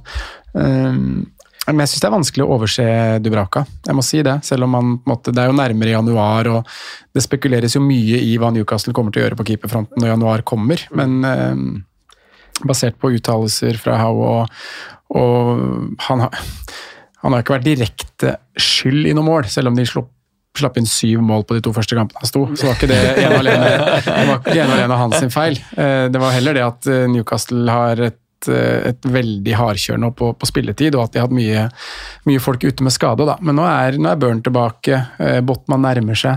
Så man, man vil jo kanskje tenke og tro at eh, det blir mer stabilt bak der. Da. Så jeg, jeg syns det er vanskelig å overse Dubravka til 4-2 om du har en Newcastle-spot ledig og skal bytte keeper, selv om Liverpool og City og Villa kommer i 2021-2022. Timingen er litt feil med tanke på det. Det som er litt sånn der eh, ekkelt med altså Han er så prisgunstig, så det er veldig vanskelig å snakke imot. og Newcastle er sånn og sånn, men for, for eksempel, siden vi ikke snakker så høyt om f.eks. Raja, eh, kanskje generelt keepere fra, fra gode lag, så er det jo gjerne at du De skårer jo ofte masse mål òg, så du vil jo kanskje investere i eh, Når du skal defensivt først inn i Også Newcastle vil jeg egentlig inkludere. Eh, det er jo en grunn til at vi ikke hadde Pope og sånn, f.eks., for eksempel, fordi du vil kanskje ha en back som kan supplere med målpoeng, du vil kanskje ha en midtbane på et tidspunkt, du vil kanskje ha Isak eh, no, Sorry, Tore. Men altså sånn det, du, vil kanskje altså Når du velger, velger keeper eller spiller fra gode lag, så vil Ja. du ha de spillerne som kan tilby mer enn bare et clean sheet bak. Du vil ha kanskje målpoeng òg, for du vet at det dukker opp oftere enn f.eks. Tim Ream skårer for Fulham, liksom. Så Ja, og så, og så stjeler jo angriperne på bonuspoengene. Det er det de også. Ja, sant. så clean sheet i en 5-0-seier, så får du seks poeng. Og Det var derfor Nick Pope var så genial for uh, Burnley og Sean Dyke, fordi de gjorde jo ingenting med ballen. Ingen fikk noe poeng for liksom å skape noe. Og så vant de 1-0, og så fikk han to, to saves, og så fikk han tre i bonus. Sånn. Så det er jo sånn, de, de, Statsnederne kaller det sånn low event sides. da. Ja. Og uh, Det trodde jo jeg Fulham var i starten, nå har de begynt å skåre plutselig. Men i- ideelt sett så vil du ha et lag som, uh, ja, som holder, holder det tett i begge ender. da, Ikke bare den ene. Som har lite ball og slipper til mye skudd fra 20 og ut. Ja, ideelt sett. Det det man ønsker. Og ironisk sett så har jo faktisk United vært litt sånn. De har veldig få mål generelt i de kampene, men uh, ja. og jeg vet ikke hvor høyt Onana ligger på den lista. Ja, han er tredje mest beste keeperen, ja. Mm. Ett poeng bak Leno. Um, så ja. Han, reiser til Afrika. Ja, han gjør det. han gjør det. Han gjør det. Eh, vi må vi kan snakke litt om eh, midtbanespillere, for det sto høyt opp på agendaen. Sondre, du hadde en slags eh, synsundersøkelse på, på en viss spiller, så valgte vi bare å, å dytte litt lenger ut i programmet. Men det er verdt også kanskje, kanskje ha i bakhodet Hichan Wang, Son, Sala og alt det her. eh, Og i tillegg til kanskje spillere som, som frustrerer folk, som f.eks. Vi fikk spørsmål på Twitter om Martinelli, f.eks. Eh, og, og sånn. Hva, hva er dine tanker rundt, rundt midtbanesjiktet? Nei, det, det var litt i lys av Martinelli-spørsmålet og egentlig Arsenal sitt eh, kampprogram. Eh, Jeg ville at vi skulle snakke om én spiller, og egentlig alle midtbanespillerne til United. For du har Martinelli som har frustrert veldig mange i det siste. Du har eh, Saka som delvis har gjort det samme. Han har levert sånn greit med, med, med småsummer her og der. Um, Han har spilt seg veldig opp, i hvert fall på de underliggende tallene, de siste fire rundene. Eh, Men en som på en måte kom veldig godt ut på synsundersøkelsen både i helga, men også i Champions League i, i midtuka, er jo Martin Ødegaard. Eh, Enorm kamp nå. Eh, En ting er liksom hva han gjør fra dypere posisjoner i banen han spiller de her tredje sist-pasningene igjennom, Eh, men han skaper fire sjanser, han har fem skudd, to av de er i boks, og kunne fint stått med én pluss én nå i helga. Og Arsenal har et veldig fint program. Fra Gameweek 19 eh, til og med Gameweek 27 så har de Liverpool hjemme i 23, Newcastle hjemme i 26. Utover det er det veldig grønt. Så, så jeg som ikke Nå kasta jeg Martinelli, eh, men jeg vil på en måte på et eller annet der. Og det, det var mer et sånt spørsmål som vi kunne diskutere sammen, da, om, nei, om Martin Ødegaard er den Arsenal-midtbanen vi, vi faktisk skal se litt til nå, da. Eh, og han er jo veldig 90 minutters mann, også han bortsett fra når han har vært, han har vært litt små, småskada og trengt litt eh, hvile. Men når han har kommet tilbake fra den hvilen, så har det vært, eh, sett enormt bra ut. Spissa, spissa juleformen ordentlig. Så mm, det var det jeg ville at vi skulle. Snakke litt Martin Ødegaard, snakke litt Martinelli Saka, og kanskje vi skal dra Havertz inn i miksen, Franco. Med, med fire skåringer på de seks siste. Ja, det er noe sånt. Ja. Kanskje, kanskje til og med mindre. Men ja, det, det, det er artig at. Jeg ble spurt om, eh, av Lars eh, Melangen også på Twitter om, om Havertz nå, så Mm. spurte han liksom bare eh, Og så tror jeg ikke jeg har fulgt opp med å svare på oppfølgerspørsmålet hans, for jeg var litt sånn skeptisk. Jeg skal ikke sette på Havertz, skal du det? Og så, det, og så svarte han bare sånn Er det pga. spilletid? Så har jeg egentlig ikke funnet noe godt svar til hvorfor jeg skal si, jeg skal si nei, fordi at det er kanskje ikke det er kanskje ikke han jeg frykter mest eh, spilletida til eh, i Arsenal nå. Nei. men eh, Nei, altså Han har jo kommet seg litt som spiller. At vi får se litt sluttprodukt, det er liksom én ting, men det er liksom en litt sånn annen gnist der også. Han spilte jo veldig mye i starten, og jeg snakka litt med vår felles kjente Bård Hegseth, som jo alltid har har snakka Havert litt opp i Arsenal, selv om, eh, selv om han fikk litt gule kort og dro ned litt tempo i starten der. Så som Bård sa, så er han en av få, få midtbanespillere som tar det løpet bak og, Mm. og kommer i skåringsposisjon. Altså at man, man trenger på en måte at han funker, da.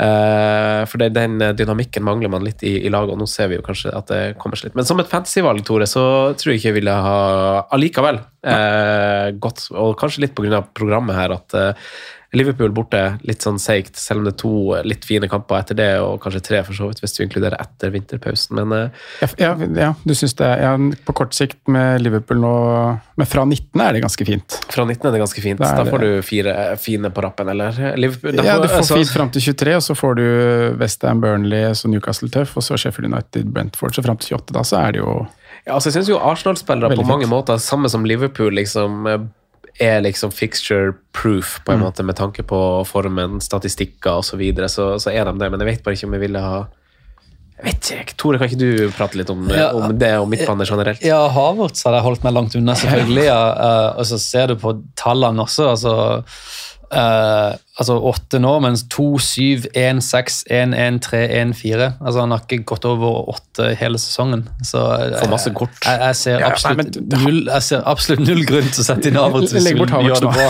ja. Men, men uh, eh, jeg kjøper absolutt Ødegaard. Eh, Jeg syns også han har vært mye bedre de siste ukene. Han var forferdelig tall i starten av sesongen og holdt seg egentlig bare flytende på noen straffer. Mm. og jeg hadde han helt fra starten fordi jeg trodde at midtbanespiller som fikk over 200 poeng. eh, 90 minutter garantert. eh, til 8-5 Nei, til, ja, til 8-5 er en kjempedeal. Og så starta han litt treigt. Um, men også du som han er litt mer tilbake til sitt beste, og at han kommer mye mer inn i boksen. Så jeg har han som en av mine foreløpige erstattere for eh, og Sala. Eh, den, jeg syns timinga der er ganske fin.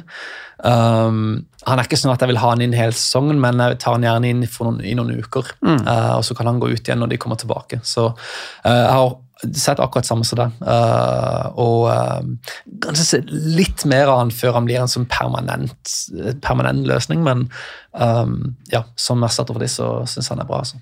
Jeg har et litt artig navn å dra opp.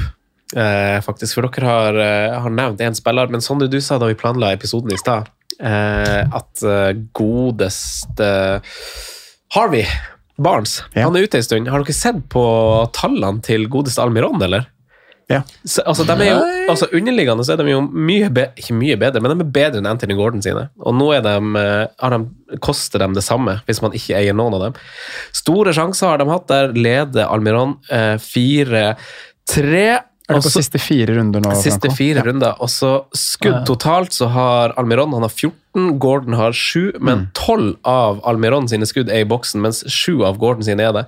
Og hvis du ser på expected goals, non-penalty, så har du 2,32 på Almiron. Det er jo kjempehøyt.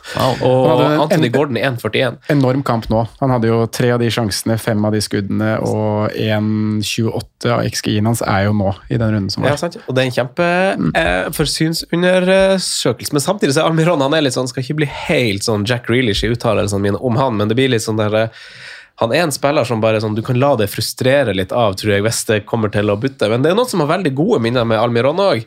Uh, så jeg syns det er en eh, sylfrekk uh, joker uh, i, i Newcastle når, eh, når eh, kampprogrammet deres er litt sånn fint, og de er litt sånn gode offensivt. 4,4 eierskap totalt. Ganske hot. Det er ganske godt. Det er litt sånn hinshot. Det hadde stått på, på profilen. Gordon oppe på 24, så det er en vesentlig forskjell, ja. Det er en vesentlig forskjell hvis du skal eh, Hvis du har trua på Newcastle, men har et behov for å tenke litt annerledes. Eh, Men mens vi er på litt sånn outside bets her uh, Britt Charlesson er jo veldig interessant nå. Ja. Eh, han, igjen, Pedigree har veldig mye å si, synes jeg, men liksom har de hatt gode sesonger før. Uh, og det er Hichan skårer jo lavt der. men at Ja. han ikke har liksom, Du har ikke en sesong liksom, for to år siden hvor han skårte kjempemye, og så har han liksom dabba litt av. Og der, der er jo Bone veldig sterk. sant? Han var veldig god for to år siden. Mm. Litt sånn dårlig sesong, og så er han tilbake, og du vet liksom at han har gjort det før. han kan gjøre det igjen. Og Richarlison han har ikke en sånn supersesong, men han har vært ganske sånn, han har vært over 150 poeng to ganger. Watford-sesongen der, kanskje. Uh, ja, og, Og Innspurten i Everton siste sesongen hans der, var ikke det ganske Ja. bra òg? Og han er jo fast som spiss uh, sånn det står seg nå, iallfall når sånn drar ut. Kanskje får han straffer uten sånn.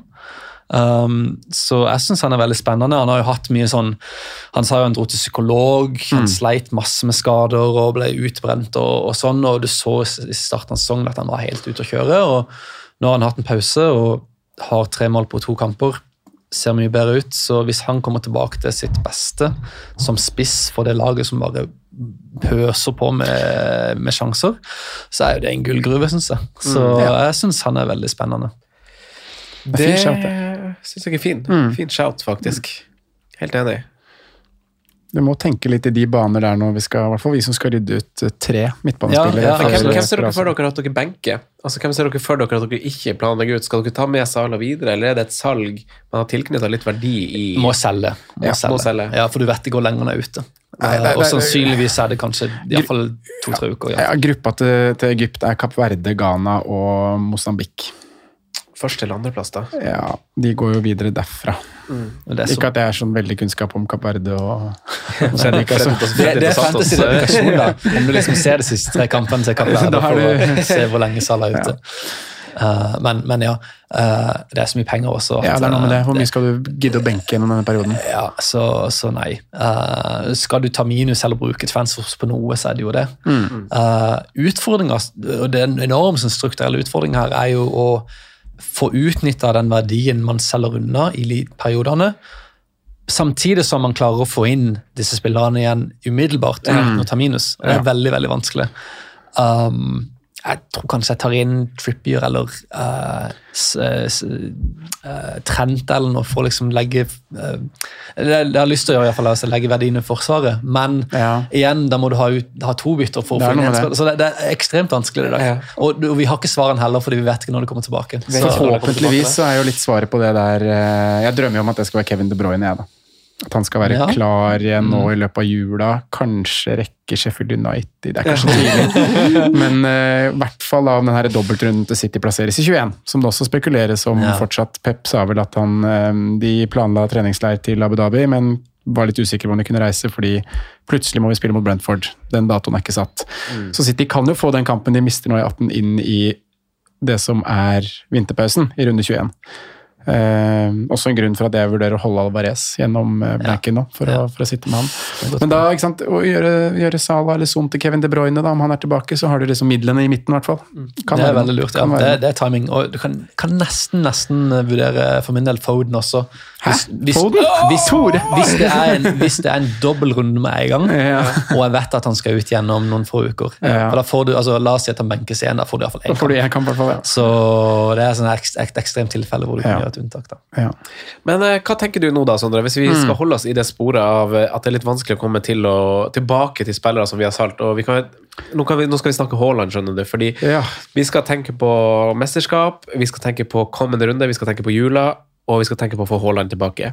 Eh, du, har, du har valget av å sette på Porro for en flagga Udoji. Du kan sette han på fordi du har penger i banken fordi du har solgt Haaland. Du kan sette han på for Caboret, som jo spiller i Afrikamesterskap, så du får en ny spiller inn.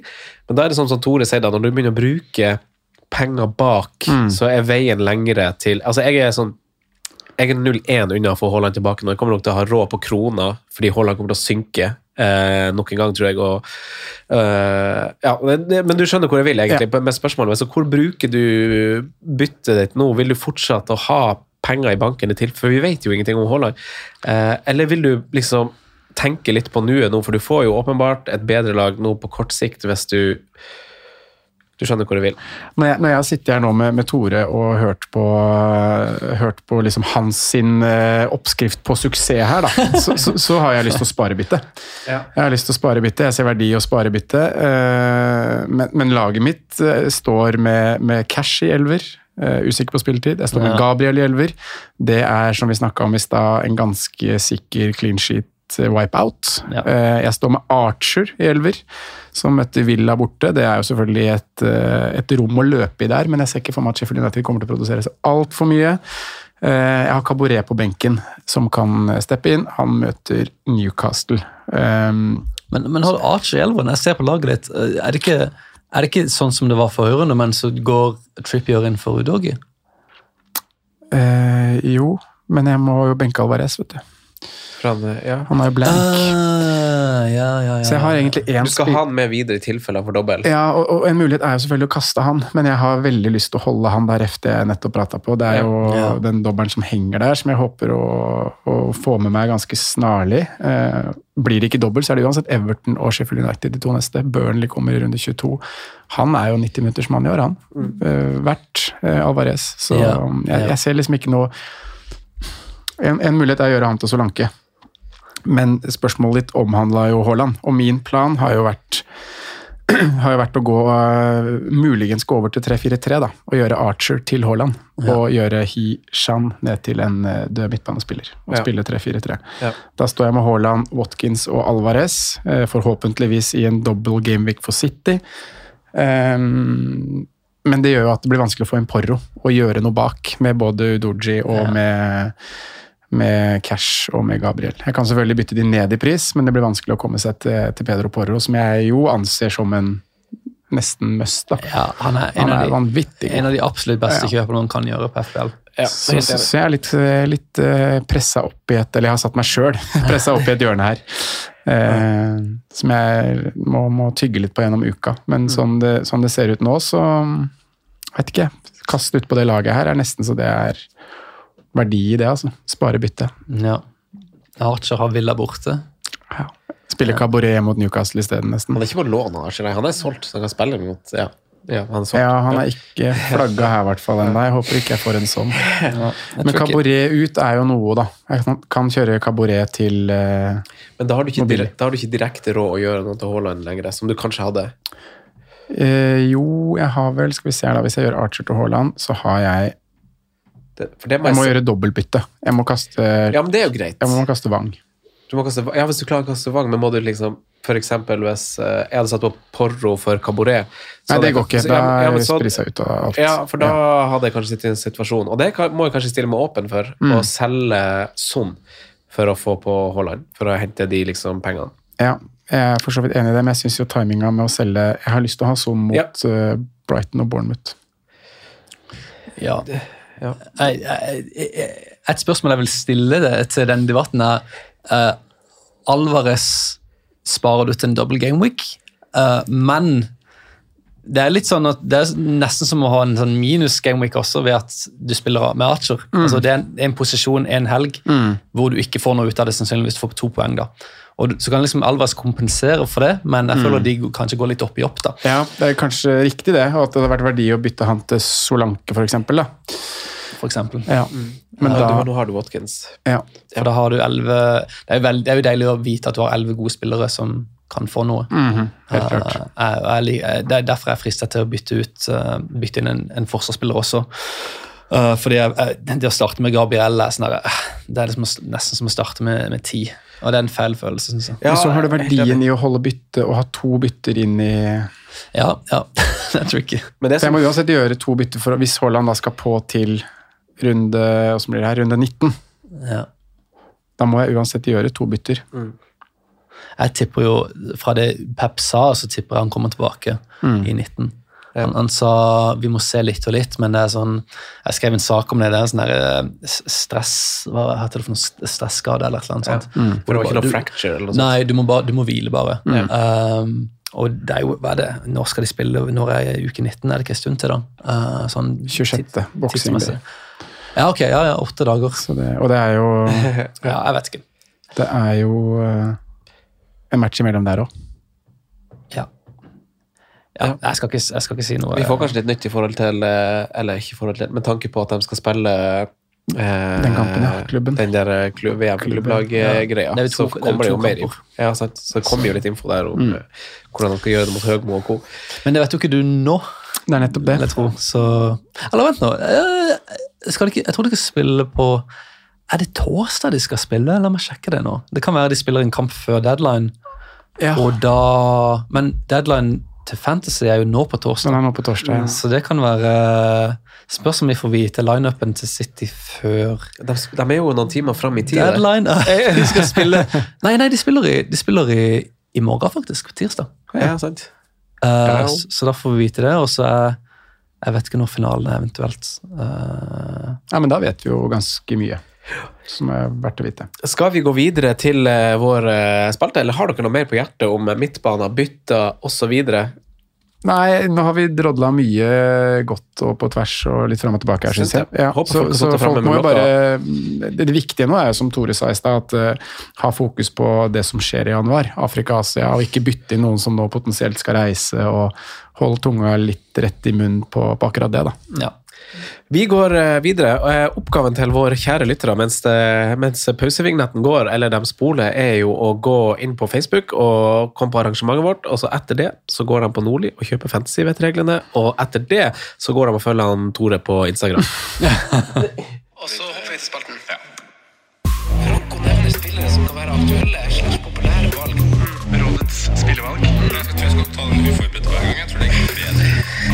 Spalten. Det her faen meg gleder meg til. Sondre han snekker en, eh, en perrong der som vikar, fordi at det er en slags tjenesteforsømmelse fra min side. For det skulle jo jeg ha gjort, det er jo min jobb, men det har jeg ikke gjort. Så jeg tar eh, algoritmelaget vårt mens du, mens du fikser det, Sondre. Der har vi jo eh, Reece James. Eh, Som jo må byttes ut. Vi har Haaland fortsatt. Eh, Vi har to gratisbytter. Laget ligger jo nå på 370 000 plass. eh, Og er for øvrig i Rik onkel-ligaen på Patrion for de som for de som er rik onkel. Der er de på andreplass. Det er toppa av En som gjør det bedre her eh, Fader, jeg har ikke internett i det nye studioet til moderne media.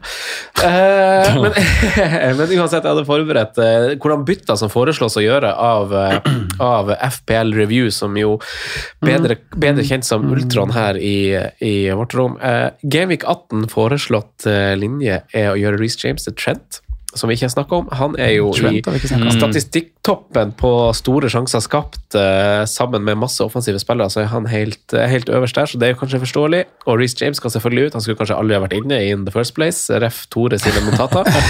uh, Skulle du flytte midler bakover for Trent, eller? Var det det du, eller? Jeg har sinnssykt lyst på Trent. Ja. Ja, ja, og Haaland skal gjøres til Watkins. Eh, plan for det. Plan B er å gjøre Reece James til Trippier, fortsatt Haaland til Watkins, som innebærer i alle. I Gameweek 19, for folk som eh, ikke er Patrion, som jo jeg håper de aller fleste er inni det her punktet, i Gameweek 19 så foreslås det å gjøre Archer til Alvarez, eller Lascelles til Trent, eller James til Trent, avhengig av hvordan vei du valgte å gå. Alvarez skal inn, ja. Hørte du det? Ja, i runde 19, ja, Ja. faktisk. Det må jeg bare beholde. I runde 20 foreslås det å gjøre Jamala Jamal Lascelles til Kyle Walker, Solanke til Alvarez, eller Solanke til Alvarez. Nei, Så- City dobbel her. Mye Alvarez. ja, kanskje, kanskje jeg antar det. Og Eh, Everton, Sheffield United på to kamper. Så vi får, vi får se. Man får følge på Patreon, for den endrer jo valg i løpet av uka. Det er ikke sånn at de her valgene er de beste valgene når vi sitter og tar det her opp på Patreon og tar de endelige valgene. Det, det endrer seg ofte gjennom uka, så det er ikke sikkert eh, det er Trent som er øverst på ønskelista til Ultron eh, når vi kommer på torsdag og skal spille inn, eller på onsdag kanskje, siden vi skal spille inn en dag før. Eh, På perrongen. på perrongen med Ja. Sondre Golden Midtgarden. To spillere vi har nevnt som vi må få konkludert litt rundt, eh, pluss to jokere som vi ikke har nevnt. Hvor den ene spiller i det laget som du presenterte bra i stad, Franco, har et veldig fint juleprogram, skal holde seg i London hele jula. Og én er en spiss som kanskje kan utfordre Watkins Uh. eh, på topp. Og vi skal si Kanskje ja eller ikke. nei. Dere skal si ja eller nei, og vi starter med de to som er nevnt i episoden. Uh, Richardison, Tore. Ja. Ja, bare få det på. Ja, det, det, det, det hadde vært en kanskje. Jeg vil, jeg vil, Det er lov å utdype, altså. Det er jeg, ikke jeg, ren jeg, vil gjerne, jeg vil gjerne se bitte litt mer av han. Ja. Han byttes seg ut også, sant? rundt 70, men uh, absolutt på, på watchlista, da. Ja. Absolutt. Franks. Eh, Nei, eh, altså Tore har hatt eh, en så stødig og hva heter det, sånn tillitsverdig tone gjennom hele altså, Jeg må bare si ja når han Ja, sier ja. Men, men Richarlison, Richarlison er sånn, Hvis jeg skulle satt inn noen altså, Du snakka om Watkins tidligere. Min, min Watkins denne sesongen er Bowen. Ja, hvor du har sittet på utsida. Ja, og Jeg har hatt lyst på han siden han var, siden han var syv blank, og han Ja. gjorde det bra i preseason. Ja. Han har gode tall hele veien, og jeg har liksom bare aldri klart å få han inn av ulike grunner. Jeg elsker at jeg har Bowen. Ja, Ja, ja. det er sykt det er det. og han er så bra, og han spiller 90 minutter, og han er stabil, han er ikke skada. Jeg kasta han for en bumo, ja. Den eh, for tre Ja, runder Ja, men siden. trodde han var skada. Ja, men det er- jo en helt vanvittig swing, fordi en bumo ryker jo i den kampen. Ja, sant. Og så Men han blenka riktignok da. Men han, Ja da, han gjorde det. Men Ja. eh, Men hvis du, hvis, du uh, hvis jeg skal ha inn noen, da, så vil jeg, altså min første midtbane inn nå er jo Bowen. Ja, Eh, er fint få. Og er ekstremt mye mer stabil enn enn Richarlison. Da, så det er jo ikke sånn her at jeg sitter her og liksom skal inn i Charlison neste uke. det er det ikke. Men eh, one to watch. one to watch. Eh, spiller nummer to. Skal du si, sier du, Hva sier du til Richarlison? Nei, jeg sier ja, jeg. Men jeg, jeg syns jo timingen blir når sonen drar. Ja. Den, eh, den er veldig på, på tapetet. Ja, som men vi Da blir det si. litt seigere program for Tottenham. Så det er kanskje liksom Jeg, følte, jeg noterte meg i hvert fall at det er et liksom sånn nat- naturlig tidspunkt å kaste sånn som med Kanskje godt det. United borte, Brentford, ja, Brentford hjemme, Everton. Så de, de høvler over laget De uansett. mål. Ja, de skårer mål uansett. Så- Ja, Det er jo over, over 2,5 i alle matcher, nesten. holdt jeg på å si. Det er ikke, Det er ja. godt poeng. Ehm, vi skal nord, vi skal til Newcastle, og vi skal til Almiron. Um, Jeg sier ja til Almiron. Du sier ja til Almiron. Tore, hva sier du? Nei. Nei, hvorfor i alle dager gjør du det? Backers i laget, gode tall. Er jeg er Manchester, det er ikke så lenge han har spilt fast, er det det? Eh, Det kommer litt, det kommer litt tilbake til det der eh, at han skal være uvurderlig. Jeg tror Du kan fint rotere han ut, Ja. tror jeg. Han er nok den beste de har der, men um, ja, da, jeg ser heller andre spillere jeg vil ha inn før han. Hvis du skal hente en midtbanespiller fra Newcastle, da? Henter du Gordon. Du henter Gordon, Ja, klink nå er jeg 100 klink. Ja, Jeg har lyst til å ha han inn. Eh, Jeg hadde hatt et Ja, til å få han inn. Hadde muligheten til å få han inn altså, Som jeg sa, Hichan versus han, det føler jeg var en tabbe. Så jeg ville gjerne reversert det om jeg kunne. Ja, sant. Nei, men bra. Eh, jeg er helt enig, for så vidt. Jeg har jo Gordon nå, men si, si, eh, nei nei til Almiron. Jeg gjør det, altså. Jeg kaster eh, en ny midtbanespiller inn i miksen her, og det er en personlig favoritt hos meg, altså. Uh, scoring på jeg nå. hvem det Eh, nei, Nei. scoring på Etihad, Franco. Ja, ja, nei, jeg bestemte meg før du Ja, sa det. Men du nevnte jo det gode kampprogrammet til Crystal Palace med Brighton hjemme, med Brentford hjemme, med Chelsea borte og Arsenal borte. Det er jo godt fordi de holder seg i London. Ja. Olysée har skåra mål. Kul spiller. Jeg skjønner at du Ja. skjønner at du skjønner han på. Jeg sier nei til Olysée. Ja. Uh... Han var billig, da. Kjempebillig. ja, han er det, men det er ganske svake tall Pelles offensivt. Ja. Eh, bl- Blant de svakere. De ble nevnt i en bisetning i stad, som med United, Sheffield United, Luton Mhm. osv. Hva er det du flirer av? Det er tøff seil, altså. Vi må dra de opp. Det er egentlig verdt å snakke om en spiss i samme lag, for så vidt. Mateta har vel tre målpoeng nå på de to Akuna. Siste. Når, når, ble en, når var en fansspiller sist on fire under et Hodgson-lag? Kanskje sa? EC. Men- Ja, ja, EC, ser, ja, riktig. Mot slutten av er Joel. Ward. Det kunne det vært. Tom Nei, men jeg regner med du sier nei òg, Tore. Ja, ja, ja. Sistemann, spiss, som jeg sa kanskje kan bli aktuell. Han spiller i Arsenal, Franco. Fint program fra og med neste runde. Tre målpoeng på de tre siste kampene. Skåring nå, Gabriel Jesus. Han er veldig god om dagen. Mm. Han er det. Eh, og så er det litt sånn kanskje grunnen til at Tore kommer til å si nei, som han kommer til å gjøre, er jo kanskje pga. en viss sånn skadehistorikk. Eh, At han plutselig Hadde han spilt eh, starta alle kampene for Arsenal hele tida, så hadde det jo vært et kjempevalg til den prisen og sånn, men eh, han gjør jo ikke det. Gjør ikke det. Eh, så Tore, du kan, eh, du kan få bekrefte at jeg hadde riktig. Klink, nei. Veldig bra. Deilig å få det bekrefta. Ja. Jeg skulle ønske jeg, eh, at det var i en verden hvor jeg skulle, kunne ha sagt ja, fordi Mm. han ser bra ut. Altså, det er liksom frykten for den skaden. Den, den dragninga han hadde hvor han bare Han er god å dra. Ja. Ja. Men la, la meg kaste ut et navn her. Uh, Sinchenko. Ja, sant. Han eh, fikk to bonus nå òg, gjorde han ikke det? Håver inn. Ja. Han slo ned min uh, Saliba. Han er- For Tobiasu er skada. Han er på fjerdeplass over Forsvaret totalt. Sånn. Mm -hmm. Ja. Riktig om at han ikke bare har spilt bra i siste, men liksom Vi, Ja, vi, hadde jo en ganske grundig Arsenal-forsvarsprat her for si fire runder siden. Men det var før Tomiyasu ble skada. Så vi burde det. faktisk ha nevnt han nå, for Tomiyasu er jo angivelig ute en stund. Ja. Og om han ikke er det, så skal han ta seg av. Mm. Eh, så, så 5,2 Sinchenko. Billigere enn Saliba. Ja. Fire poeng mindre nå, selv om han har spilt mye mindre. Fordi han har spilt mye mindre, faktisk. Det blir riktig å si. Blir det ikke det? Han hadde hatt mer poeng hvis han hadde spilt like mye som Saliba. Jeg vil jo tro det. bare Ja. sånn av å- Fire poeng, ja. Selv om han har spilt mye mindre. Ja, Saliba har Fordi- 1005. Sinchenko har Han har spilt 500 minutter mindre. ja sant, han hadde hatt mer poeng. Nei, jeg, vet du hva, jeg sier, jeg sier ja til han, egentlig. Arsenal har jo veldig gode defensive tall, men er dette her riktig runde å sette på, er jo en annen ting. Ja, det er en annen ting. Ja. så det er det ikke, men, ser ikke så mye på det. men det er ja. spennende spiller som jeg syns vi skulle ha snakka om egentlig i forkant av eh, runden som var, faktisk. Fordi i lys av skaden til Tomias. Bra. Eh, Tore, tusen takk for at du kom. Det har vært eh, kjempemoro. Jeg Tusen håper du kommer igjen eh, tidlig på tidlig vår, holdt på kanskje fortsatt i en vintermåned, hvis vi tenker desember, januar og februar som eh, det vi underviser ungene til å lære. Ja, Eh, vi må takke lyttere for eh, følget i 2023. Det Dette vi. blir siste innspilling, eh, Sondre, og ønske alle grønne piler og en kjempefin 2024 med ønsker ikke god jul, vi. Vi ønsker Ikke noen grønne piler. gaver her. her, det, det det, det er den beste gaven du kan få for å holde opp stemninga i Det Og jeg gleder meg til julegaven fra Hishan Wang. Skal Åh, hjelpe tenk til det. å tømme oppvaskmaskinen så snart du får deg grønn Ja. Vet du hva, jeg har faktisk veldig tro på han på uh, julaften. Chelsea opp til Wolves, lang Ja, ja, ja. tur opp til kalde nord. Klok starte klokka ett på, på eh, engelsk tid. Ja. De har ikke lyst til å spille den kampen der. Nei, de har ikke det. Å, men tusen takk for, eh, for følget og godt nyttår. Kom på Patreon hvis dere vil høre, høre mer av oss. Mer av oss, Eh, riktig, riktig god jul til alle og enhver. Ha det. Good evening. Straight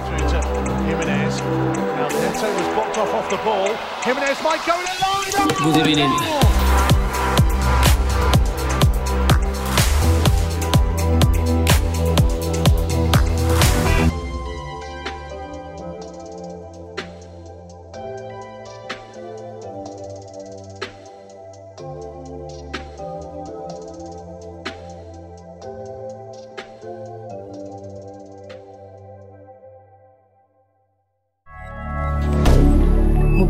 media. Ukens annonsør er Folio, en smartere banktjeneste for deg som har en egen bedrift eller ønsker å starte for deg selv. Folio er en superenkel nettbank for bedrifter. Som kunde i Folio får du en bedriftskonto med et bedriftskort og app. I denne appen er det smarte løsninger som forenkler regnskapet ditt, uansett om du har en liten bedrift eller et enkeltpersonsforetak. Folio er både intuitivt og brukervennlig, og er laget med et enkelt språk. I tillegg tilbyr de forutsigbare priser og ingen skjulte gebyrer. Skulle du likevel trenge det, så kan du snakke med deres raske og hyggelige kundeservice, og der får du prate med en faktisk person og ikke en chatbot. Folio er med andre ord både enklere og koseligere enn banken. Over 10 000 bedrifter har allerede valgt Folio som sin banktjeneste, så besøk folio.no og se hvordan Folio kan forenkle din hverdag også. Har du et enkeltpersonforetak eller en liten bedrift? Da er du sikkert lei av å høre meg snakke om hvor enkelt det er med kvitteringer og bilag i fiken, så vi gir oss her, vi. Fordi vi liker enkelt. Fiken superenkelt regnskap.